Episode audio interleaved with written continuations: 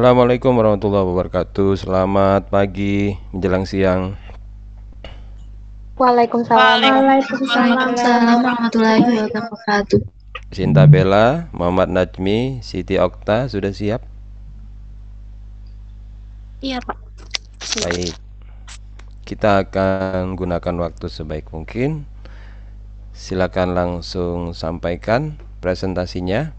Pada yang lain silakan menyimak dengan baik karena setelah dua paparan ini kita akan diskusi semua hal yang disampaikan oleh dua kelompok ini ya.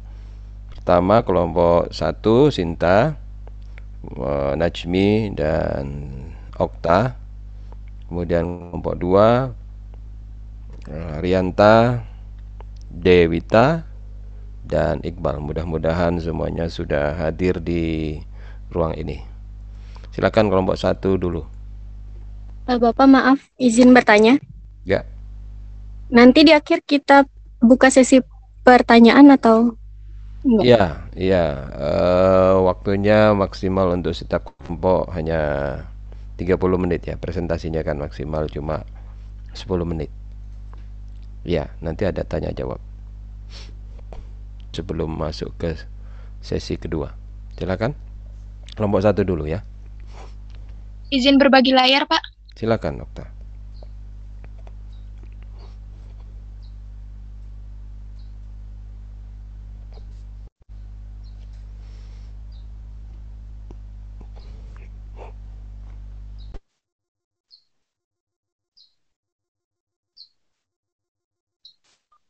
Maaf, Pak, tidak bisa berbagi layar karena Bapak share komputer sound.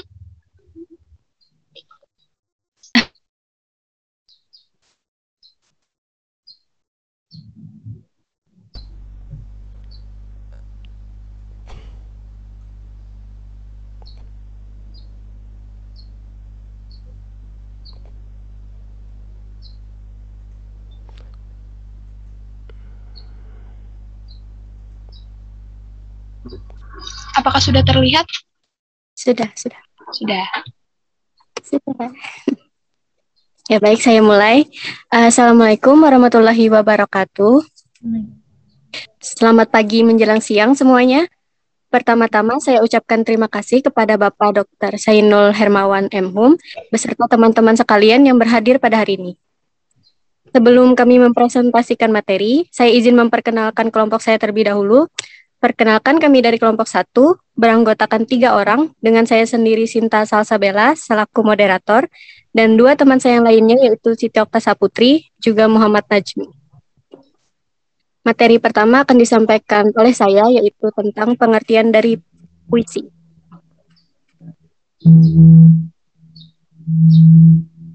Tolong slide-nya.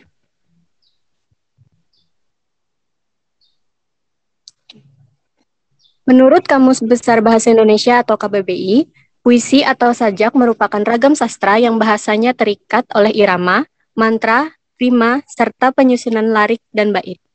Pengertian puisi menurut beberapa ahli bidang sastra yaitu satu dari HB eh, Jasin mengemukakan pengertian puisi adalah suatu karya sastra yang diucap dengan perasaan dan memiliki gagasan atau pikiran serta tanggapan terhadap suatu hal atau kejadian tertentu. Yang kedua, Sumardi juga berpendapat bahwa puisi adalah sebuah karya sastra dengan menggunakan bahasa yang telah dipadatkan, dipersingkat, serta diberi irama bunyi sehingga dan memiliki kata-kata bermakna kiasan atau imajinatif. James Reves mengemukakan pengertian puisi adalah ungkapan bahasa yang memiliki uh, kaya serta daya pikat. Dari pengertian yang dikemukakan oleh para ahli dan KBBI dapat disimpulkan bahwa uh, puisi adalah karya sastra yang berisi tanggapan serta pendapat penyair mengenai berbagai hal. Pemikiran penyair ini kemudian dituangkan dengan menggunakan bahasa-bahasa apik serta memiliki struktur batin dan fisik khas penyair. Pemikiran penyair dituliskan dengan menggunakan beragam pemilihan kata yang indah sehingga dapat memikat para pembaca. Puisi memiliki nilai estetika yang berbeda-beda, bergantung penulis puisi. Setiap penyair biasanya memiliki kekasan dalam menulis puisinya. Kemudian materi selanjutnya itu tentang jenis-jenis puisi. Oh, tolong slide-nya. Oh, sudah. Puisi memiliki dua jenis yang umum, yaitu puisi lama serta puisi modern. Jenis-jenis puisi lama berupa pantun, syair, talibun, mantra, dan gurindam. Sedangkan jenis-jenis puisi modern berupa puisi naratif, puisi lirik, dan puisi deskriptif. Puisi modern biasa disebut puisi bebas karena tidak terikat oleh rima, jumlah baris, dan sebagainya. Uh, pada presentasi kali ini kami akan membahas tentang puisi modern dan kami akan membandingkan dua jenis puisi modern yaitu puisi lirik dengan puisi naratif. Uh, selanjutnya akan dilanjutkan oleh Siti Okta tentang puisi lirik. Pada Okta saya persilahkan. Baik, saya akan melanjutkan materi tentang puisi lirik. Puisi lirik adalah puisi yang digunakan untuk mengungkapkan gagasan pribadi penyair yang tersusun dalam larik-larik atau baris. Puisi lirik terdiri dari tiga jenis, yaitu yang pertama ada elegi. Elegi adalah puisi yang mengungkapkan perasaan duka, sehingga puisi elegi dipenuhi dengan rasa duka, kehilangan, kesedihan, bahkan kerinduan yang terasa saat puisi tersebut dibaca. Ciri-ciri puisi elegi yaitu satu, berisikan sajak atau lagu. Dua, berisi tentang kesedihan, tangis, rasa duka cita, atau keluh kesah karena sedih ataupun rindu. Selain itu juga kesedihan akibat kematian atau kepergian seseorang yang dicintai. Misalnya, puisi elegi berjudul Senja di Pelabuhan Kecil karya Khairil Anwar yang mengungkapkan kesedihan dan kerinduan beliau terhadap Ibu Sri Ajati. Baik, saya akan membacakan contoh puisi berjudul Senja di Pelabuhan Kecil karya Khairil Anwar. Ini kali tidak ada yang mencari cinta. Di antara gedung, di antara gudang, rumah tua, pada cerita. Tiang serta temali, kapal, perahu tiada berlaut, menghembus diri, dalam mempercaya mau berpaut. Gerimis mempercepat kelam, ada juga kelepak elang. Menyinggung muram, desir hari lari berenang.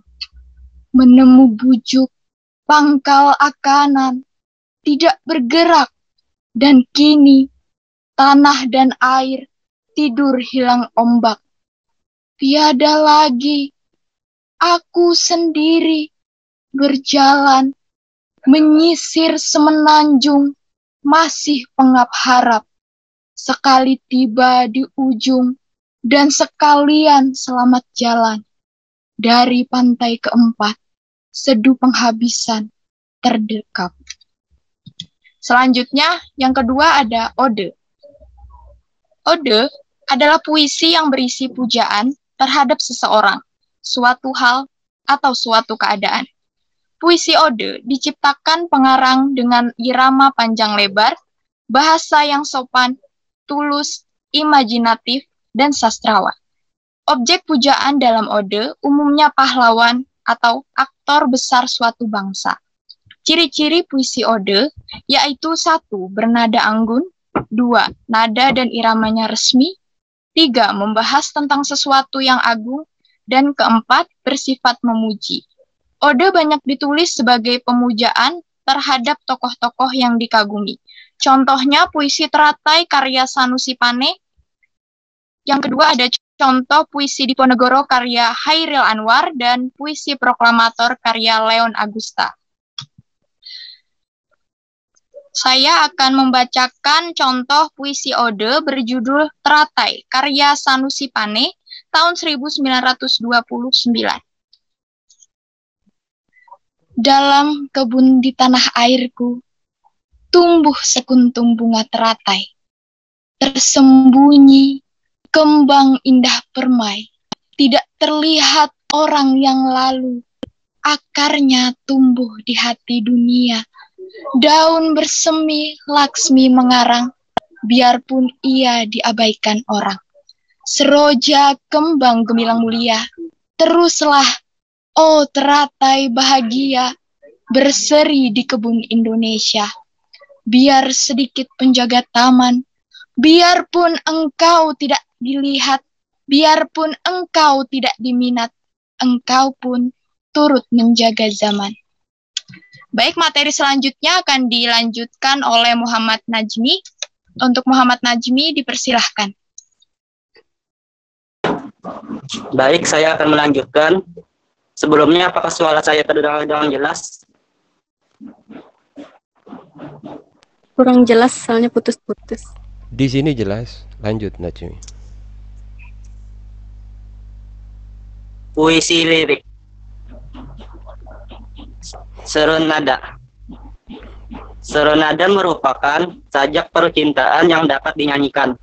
Kata serenada sendiri berarti nyanyian yang dapat dinyanyikan di waktu senja. W.S. Rendra banyak menciptakan serenada dalam empat kumpulan sajak. Misalnya serenada hitam yang maknanya kecewa, serenada biru yang maknanya harapan, serenada merah yang maknanya bahagia, serenada ungu yang maknanya cinta, serenada kelabu yang maknanya rindu, dan sebagainya. Warna-warna di belakang serenada itu melambangkan sifat nyanyian cinta itu. Ada yang bahagia, sedih, dan kecewa.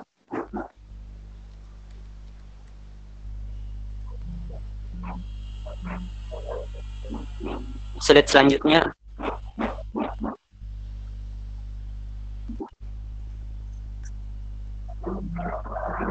Contoh Serenada Kelabu karya W.S. Rendra.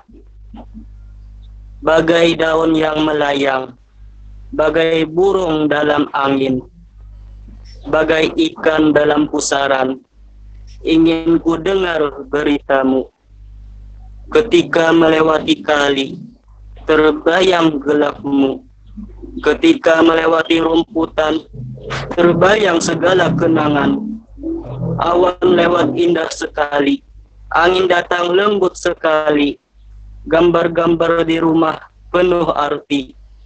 Pintu pun kau buka lebar-lebar. Ketika aku duduk makan, ku ingin benar bersama dirimu.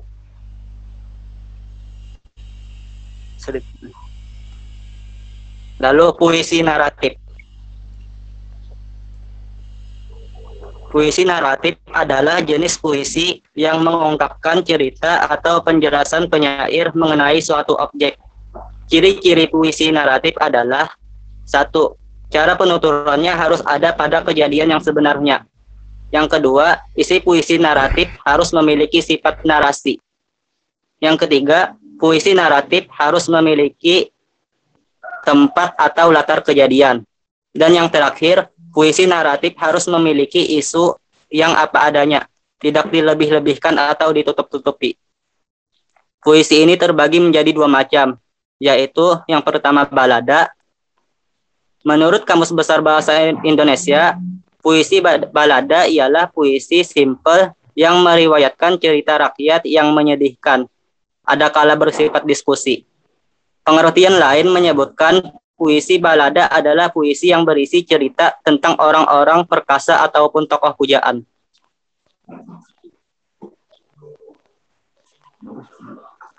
Ciri-ciri puisi balada yaitu yang pertama berisi tentang suatu kisah atau cerita. Yang kedua terdiri dari tiga bait yang masing-masing dengan delapan, delapan larik. Yang ketiga bersajak A, B, A, B, B, C, C, B. Lalu skemanya berubah menjadi A, B, A, B, B, C, B, C. Yang, dan yang terakhir, larik terakhir yang berada pada bait pertama dipakai sebagai referen dalam bait-bait selanjutnya. Contoh puisi balada berjudul Orang-orang Tercinta karya W.S. Rendra. Rendra.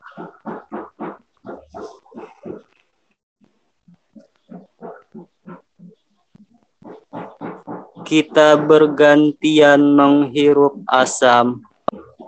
Batuk dan lemas terceruk, marah dan terbaret-baret. Cinta menciptakan kita bertahan dengan secuil redup harapan. Kita berjalan berseok-seok, mengira lelah akan hilang di ujung terowongan yang terang. Namun cinta tidak membawa kita memahami satu sama lain. Kadang kita merasa beruntung, namun harusnya kita merenung. Akankah kita hingga di altar dengan berlari terpatah-patah? Mengapa cinta tak mengajari kita untuk berhenti berpura-pura? Kita meleleh dan ber, dan tergerus. Serut-serut sinar matahari. Sementara kita sudah lupa, rasanya mengalir bersama kehidupan. Melupakan hal-hal kecil yang dulu termaafkan. Mengapa kita saling menyembunyikan? Mengapa murka dengan keadaan? Mengapa lari dikala sesuatu membang membengkak jikalau dibiarkan? Kita percaya pada cinta yang borok dan sederhana. Kita tertangkap jatuh dan terperangkap dalam balada orang-orang tercinta. Selanjutnya akan dibacakan oleh moderator.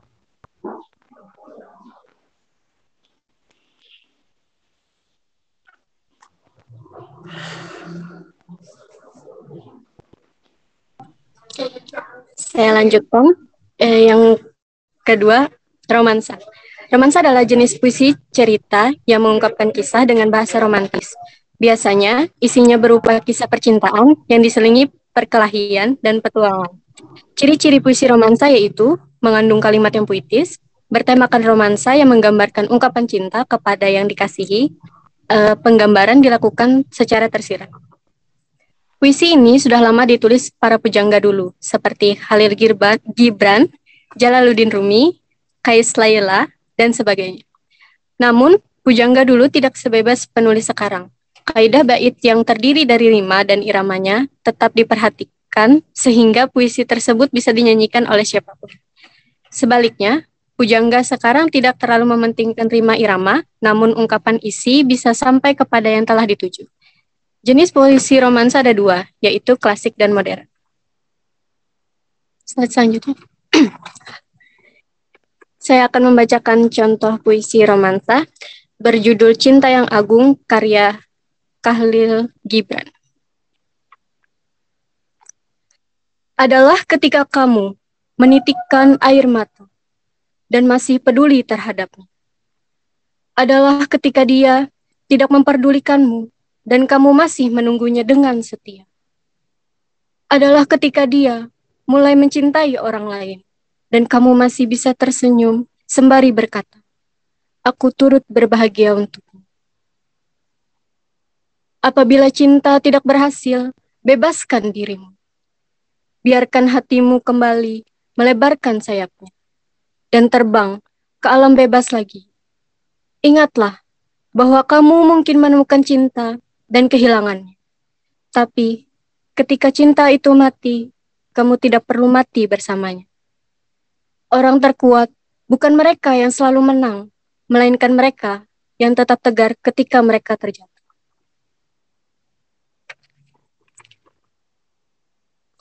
Materi terakhir yaitu perbedaan puisi lirik dan puisi naratif.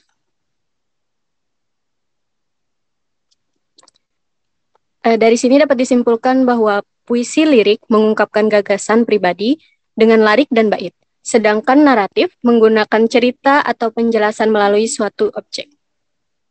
Puisi lirik sendiri terdiri dari tiga, yaitu elegi, odi, ode, serenada. Dan puisi naratif terdiri dari dua, yaitu balada dan romansa. Sekian dari kelompok kami. Terima kasih atas perhatiannya. Mohon maaf apabila ada kekurangan. Sekarang kami akan memasuki sesi pertanyaan. Silakan nyalakan pelantangnya atau tuliskan uh, pertanyaannya di kolom chat.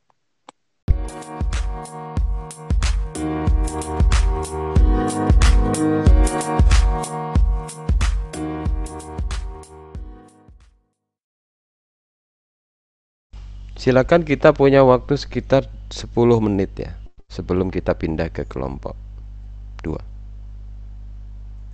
manfaatkan waktunya. Mungkin ada hal yang ingin Anda konfirmasi minta penjelasan lebih lanjut atau kebingungan dengan paparan kelompok ini bisa Anda sampaikan.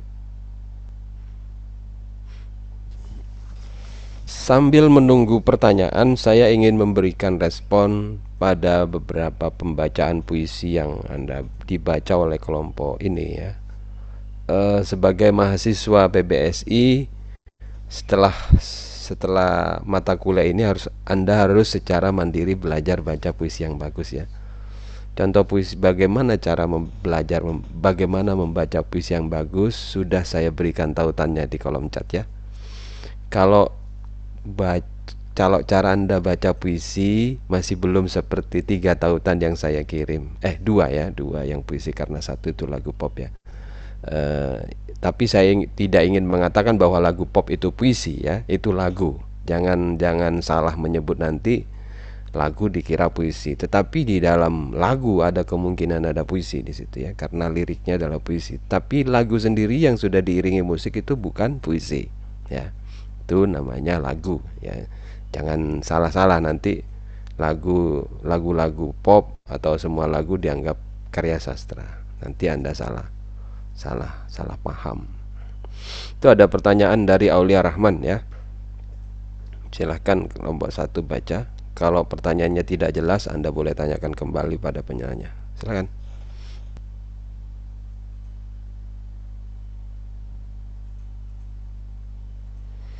Itu ada juga pertanyaan dari Sarmidah ya. Silakan kelompok satu diberikan respon. Buka pelantangnya. Misi Pak, saya hmm. izin menjawab pertanyaan dari Aulia Rahman. Uh, Assalamualaikum, Waalaikumsalam. Saya Aulia Rahman izin bertanya. Tadi ada materi ode pujaan terhadap seseorang. Apakah ada juga pujaan terhadap yang lain seperti terhadap Tuhan?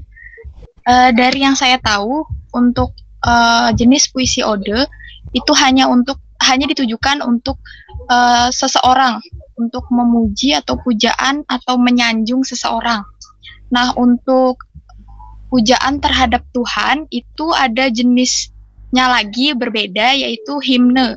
Himne adalah salah satu jenis puisi baru yang berisi pujian atau pujaan untuk Tuhan, tanah air ataupun pahlawan. Ciri dari himne ialah pujian untuk menghormati Tuhan, seorang dewa, uh, tanah air ataupun alma mater.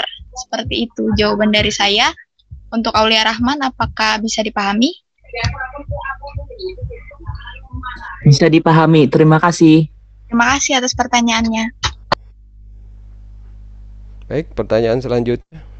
Kelompok satu ada yang mau menjawab juga?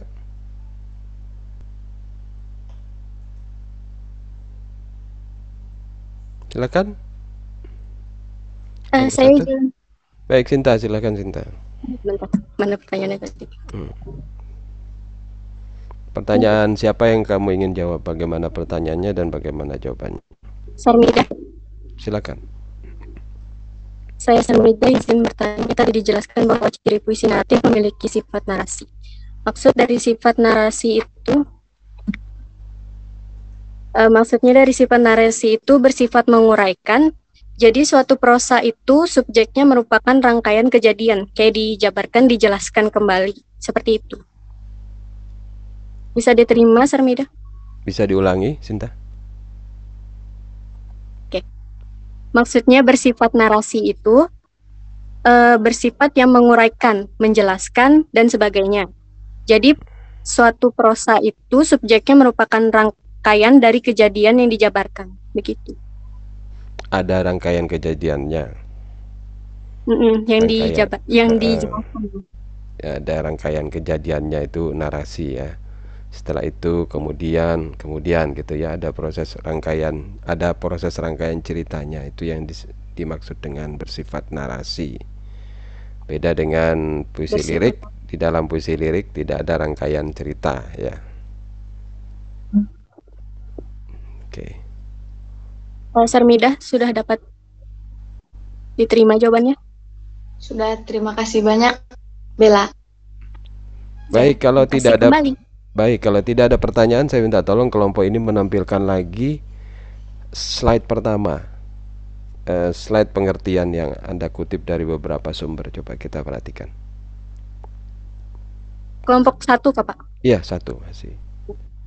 Silakan ditampilkan lagi ada bagian definisi-definisi yang Anda kutip dari beberapa sumber. Tampilkan penuh ya.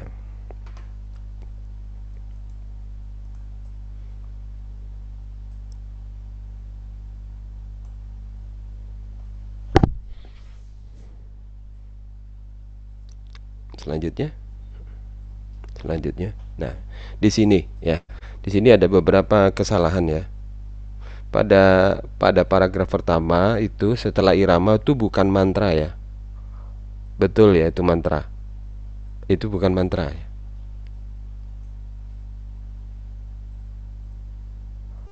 Tapi matra kali ya. Mantra atau matra? Sudah dicek KBBI lagi. Hmm, kalau mantra sendiri itu kan satu genre puisi juga bukan unsur mantra itu. Nanti diperiksa ya lagi. Mantra atau matra? Permisi Pak. Ya, ya benar matra bukan mantra. Ah, ah, matra. Ada kesalahan di situ Pak, ya. maaf. Mantra dan matra beda ya, apalagi dengan mata beda. Matra bukan mantra. Ya. Baik kelompok satu atau kelompok yang lainnya boleh memberikan simpulan kalau Anda baca pengertian-pengertian puisi ini dari berbagai macam sumber. Lalu apa simpulan Anda tentang puisi itu? Apakah pengertian ini ada yang saling bertolak belakang? Atau semua pengertian ini semuanya saling mendukung, saling melengkapi, saling menguatkan? Coba perhatikan ada 1, 2, 3, dan 4 Ada dari KBBI, dari HB Yasin, dari Sumardi, dan dari RIPS misalnya ya. Kalau kita mulai lagi eh, tidak usah dari KBBI dulu ya KBBI pakai terakhir saja. Misalnya dari HB Yasin dan Sumardi. Apakah HB Yasin ketika memberikan pengertian tentang puisi sama dengan Sumardi?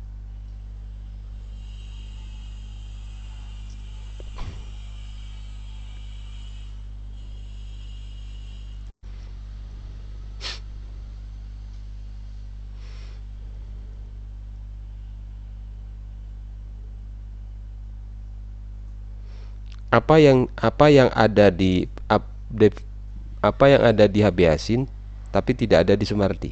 Atau sebaliknya ada di Sumardi tidak ada di Habiasin ketika dia mendefinisikan puisi.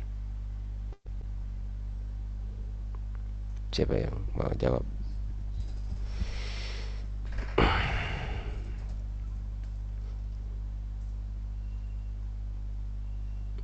Ketika Jasin mendefinisikan puisi, dia tidak melihat puisi sebagai sesuatu sebagai karya yang menggunakan bahasa yang dipadatkan, ya. Jasin melihat itu tidak. Tidak. E, perhatian Jasin terhadap puisi tertuju pada tuturan atau ucapan yang dilakukan dengan perasaan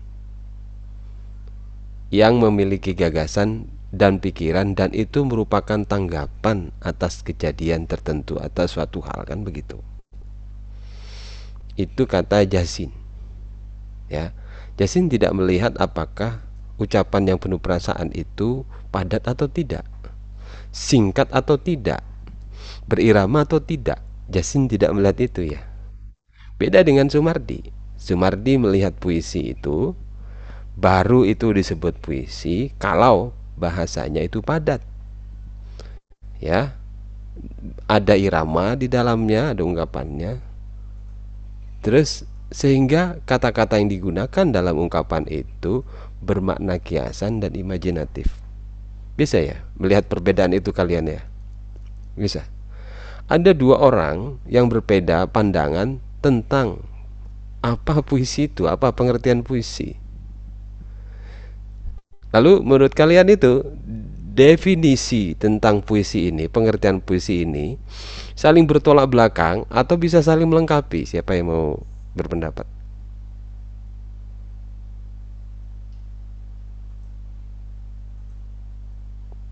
Ini bertolak belakang didasari oleh prinsip yang memang aku nggak melihat puisi seperti itu atau nyataannya memang begitu dalam hal ini apakah dua-duanya bisa benar atau salah satunya bisa salah?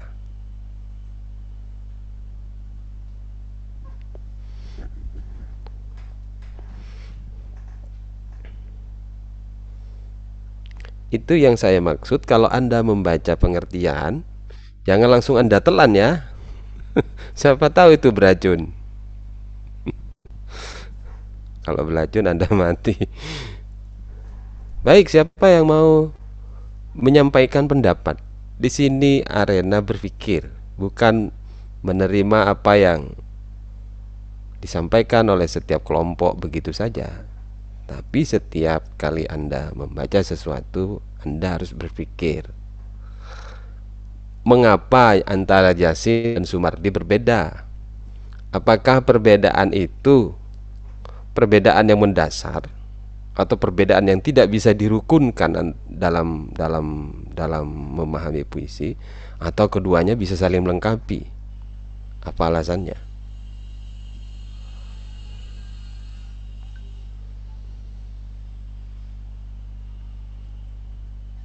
silakan nyalakan pelan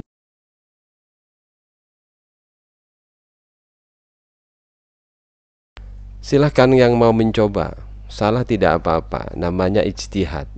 Salah dapat pahala satu.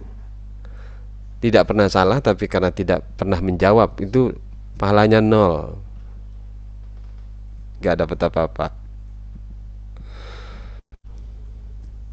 Silahkan Bapak izin Boleh silakan Amalia. Uh, dari kedua pakar itu pengertiannya saling melengkapi, Pak. Mm -hmm. Karena si Sumardi ini kan uh, tidak ada mengemukakan bahwa uh, karya sastra itu diucapkan dengan perasaan, sedangkan kan puisi itu biasanya uh, disampaikan atau diucapkan itu dengan menggunakan perasaan, Pak. Itu sepengertian saya. Oke. Okay. Ini saling melengkapi ya? Iya, Pak. Hmm, jadi artinya kalau saling melengkapi eh, ketika dua pakar ini melihat satu objek, satu kenyataan tentang karya sastra, dia tidak melihat objek itu secara sempurna ya. Dia hanya fokus pada bagian-bagian tertentu. HB Yasin lupa pada sisi yang tidak dilihat oleh Sumardi ya Habiasin lupa pada sisi yang di, dilihat oleh Sumardi sebaliknya Sumardi lupa melihat sisi yang dilihat oleh Habiasin oke. Kalau kalau saling melengkapi maka anda harus kalau ketika anda melihat puisi anda harus melihat keduanya ini. Jadi Jangan ketika mendefinisikan puisi Anda hanya melihat pada Habiasin Menurut Habiasin begini, tidak Anda harus melihatnya lagi. Mari kita lihat yang ketiga Nah yang ketiga ini saya agak membingungkan apa maksudnya Karena tadi bacanya agak cepat ya Ungkapan bahasa yang memiliki kaya Apa maksudnya ini? Bisa jelaskan kalau memiliki kaya serta daya pikat ini sepertinya ada kata-kata yang hilang setelah kaya ini. Apa maksudnya?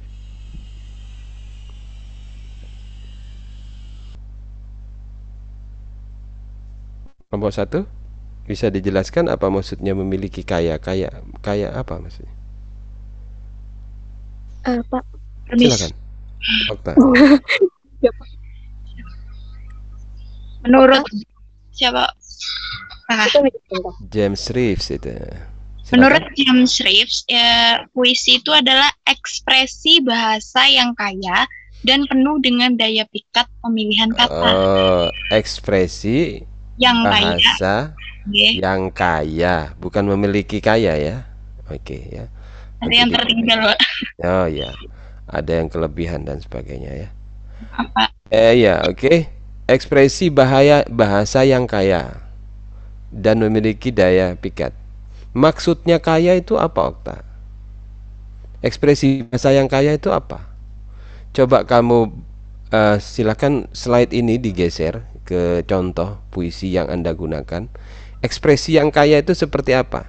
Coba pada puisi salah satu puisi larik yang Anda jadikan contoh saja, langsung ke contoh puisinya. Baik. Hairil Anwar misalnya. Apa kekayaan puisi ini? Kekayaan ekspresi puisi ini?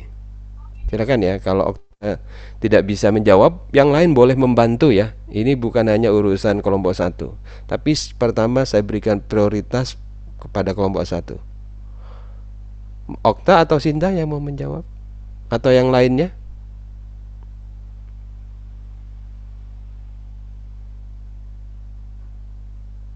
Apa di mana letak kekayaan ekspresi puisi ini? Kalau tidak kaya, berarti ini bukan puisi. Kamu harus ketika ada teori mengatakan begitu, Anda cek itu teorinya. Betul nggak? Puisi itu kaya ekspresinya. Kalau nggak kaya tidak. Kaya apanya? Kaya apa kekayaannya? Yang yang dimaksud itu apakah ekspresi wajah? Kok Atau- wajah? Kita Bukan bicara ya? puisi, bukan bukan bicara wajah. Ini kuliah teori puisi, bukan teori wajah ya.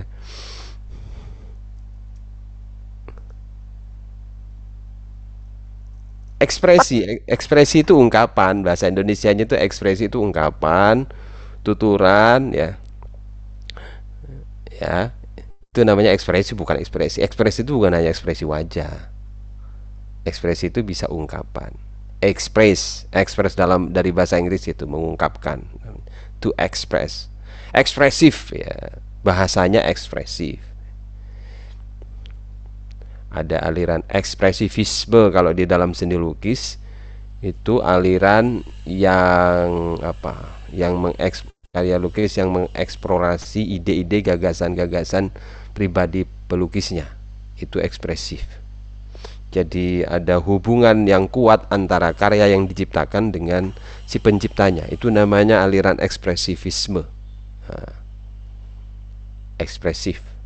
Ekspresif itu eh, si Okta itu ekspresif nggak ya? Ah nggak dia kalau ngomong normatif dia tidak pernah bicara eh, bicaranya tuh nggak menunjukkan bahwa itu adalah bicara dirinya dia seperti robot. Nah ada nggak robot ekspresif? Nggak ada robot tuh tidak ekspresif. Coba anda baca berita yang dibaca robot tahu ya? Pernah dengar baca di, di YouTube itu ada kan berita yang dibaca oleh robot? Nah, eh, pagi ini di sebuah komplek perumahan se- seekor kucing mencari pasangan. Nah, seperti itu ya.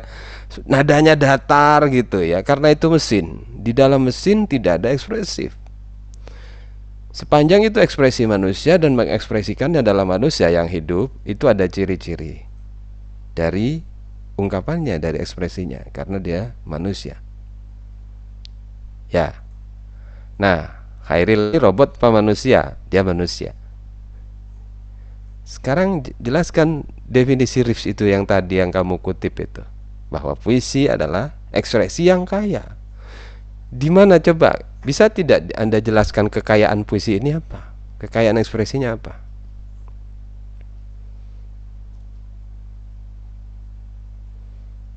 Oke ya. Anda paham sekarang. Hati-hati kalau mencomot pengertian. Karena setiap Anda mengambil pengertian dari satu tempat, Anda akan dituntut oleh pertanyaan-pertanyaan seperti ini. Tapi itu nggak salah, Anda benar mencopot itu. Cuma Anda belum paham apa maksudnya kaya itu. Nah, di sini tempat kita memperdalam pengertian kita tentang pengertian-pengertian sastra, termasuk puisi. Wah, nanti ke belakang itu rame itu ya. Setiap Anda akan mengambil pengertian dari tempatnya mana, saya nggak tahu, Anda akan ditanya seperti itu. Ini baru saya tanya ya, bukan orang lain. Bagaimana kalau nanti Anda keluar dari perkuliahan ini orang lain dita- orang lain nanya, Okta, kamu habis kuliah apa? Teori sastra. Wah, keren gitu ya. Lalu nanya orang itu, habis kuliah apa tadi? Ditanya, kamu nggak bisa jawab, malu kan? Gitu. Baik, siapa yang bisa menjelaskan apa kira-kira kekayaan dari puisi ini? Yang dimaksud Bapak. kaya itu apa? ya? Silakan Sinta. Ini tapi kalau sama kenapa apa-apa? Oh iya, nggak apa-apa, nggak akan digantung, nggak akan di apa-apa. Uh, kalau menurut saya, ekspresi bahasa yang kaya itu meliputi keleluasaan atau kebebasan menggunakan bahasa dan emosi, kemudian menuturkannya menjadi sebuah karya sastra sehingga pendengar atau pembacanya itu mendapat pesan dan makna sesuai dengan emosi perasaan dalam karya sastra tersebut. Oke, apa pun katamu, coba lihat contoh dia ini. Apa kekayaan puisi ini? Letak kekayaannya itu di mana? Hmm. Ini kali tak ada yang mencari cinta di antara gudang rumah tua pada cerita. Tiang serta temali, kapal perahu tiada berlaut menghembus diri dalam mempercaya mau. Ini maut berpaut atau mau berpaut ya? Saya nggak tahu ya. Gerimis mempercepat kelam ada juga kelepak elang menyinggung muram desir hari lari berenang.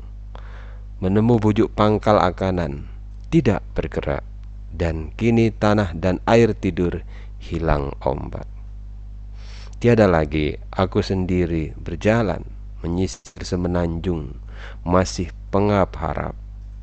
Sekali tiba di ujung dan sekalian selamat jalan dari pantai keempat sedu penghabisan terdekap.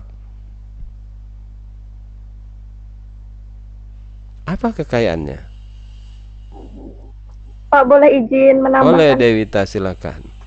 Kalau menurut saya tadi itu yang Bapak baca tadi itu banyak diksinya yang indah Pak. Jadi kalau misalnya ditambahnya lagi dibacakan baru diekspresikan tuh. Iya.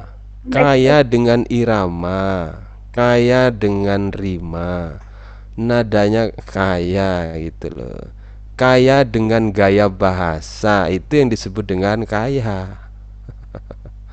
Jadi tidak seperti bahasa sehari-hari. Jadi letak kekayaannya itu pada kekayaan unsur-unsur pembangunnya tadi. Jadi sebuah puisi karena kaya dengan unsur-unsur pembangun tadi ada diksi, ada gaya bahasa, ada rima, ada matra tadi disebutkan di atas ya oleh HB Yasin. Nah, itu yang dimaksud dengan kekayaan ekspresi itu letaknya di situ. Ya. Kaya itu kaya dengan matra, kaya dengan bahasa, kaya dengan sajak-sajak, sajak akhir, sajak tengah, sajak dalam gitu. Itu kaya. Tidak seperti bahasa sehari-hari. Ya. Karena di dalam puisi kata-kata atau ekspresi itu sudah didramatisir supaya menimbulkan efek. Itu yang dimaksud dengan kekayaan. Ya kaya kaya gaya bahasa eh, dan imajinatif. Imajinatif itu mengajak pembacanya itu membayangkan itu. Daya pikatnya itu ke daya pikat imajinatifnya. Sesuatu yang imajinatif itu sesuatu yang tidak bisa langsung Anda lihat. Ketika membaca Anda langsung lihat. Tetapi Anda terbayang pada sesuatu ya terbayang pada sesuatu ketika misal Sapardi Djoko Damono menulis tentang Marsina ya nanti cari di YouTube itu mana puisi Sapardi yang bicara tentang Marsina atau W.S. Renda bicara tentang terbunuhnya Atmokar yang linknya sudah saya berikan di sini atau ketika Nicholas Saputra membacakan puisinya Aan Mansur ya bandara sebagai batas antara Jakarta dan New York dan seterusnya. Yang lainnya sudah saya bagikan. Anda diajak berimajinasi peristiwa itu tidak betul-betul nyata. Tetapi itu itu kekayaannya itu daya pikatnya. Mampu membuat yang nyimak atau ketika Anda menyimak lagunya Ebit G.Ade tadi yang tatanya sudah saya berikan tentang od apa itu elegi ya elegi esok pagi misalnya ya. Kaya sekali itu yang dimaksud dengan kekayaan oleh definisi tadi ya. Kekayaan gaya bahasa, kekayaan irama, kekayaan sajak dan yang lain-lain. Oke. Silakan dalami lagi. Baik. Itu saja yang bisa saya respon atas kalian ini nanti pengertian-pengertian yang Anda kutip Anda pahami betul-betul dan kelompok-kelompok lain juga ya selanjutnya akan ada pertanyaan-pertanyaan serupa ini dari dari peserta perkuliahan ini dan juga dari saya. Pahami betul-betul apa yang Anda sudah tulis di dalam tayangan salin dia ada itu. Ya sebelum Anda menyampaikannya kepada orang lain pastikan Anda paham dulu. Bahkan ketika Anda menyebutkan contoh-contoh jangan hanya meletakkan contoh-contoh Anda tidak paham. Karena tujuan diskusi kita adalah saling membuat kita paham terhadap pengertian dan bacaan yang kita gunakan. Kita tidak akan bicara yang lain-lain. Kita akan bicara berdasarkan apa yang Anda tayangkan, apa yang kalian tayangkan di kelas ini. Itu tujuannya. Kita akan mendalami berbeda dengan pengalaman Anda belajar sastra waktu SMA ya. Di sini kita akan menekankan pemahaman yang dalam itu. Karena pada akhirnya kelak Anda akan kembali ke sekolah menjadi guru yang harus menjelaskan semua ini kepada siswa. Sehingga kalau ada pertanyaan dari siswa, Anda bisa memberikan penjelasan-penjelasan. Baik itu saja ya. Terima kasih atas uh, apa penyajian yang cukup menarik dan baik dari kelompok satu terus belajar nanti disimak lagi apa bahan-bahan pelengkap yang saya sampaikan dalam perkuliahan ini. Selanjutnya saya persilakan kepada kelompok dua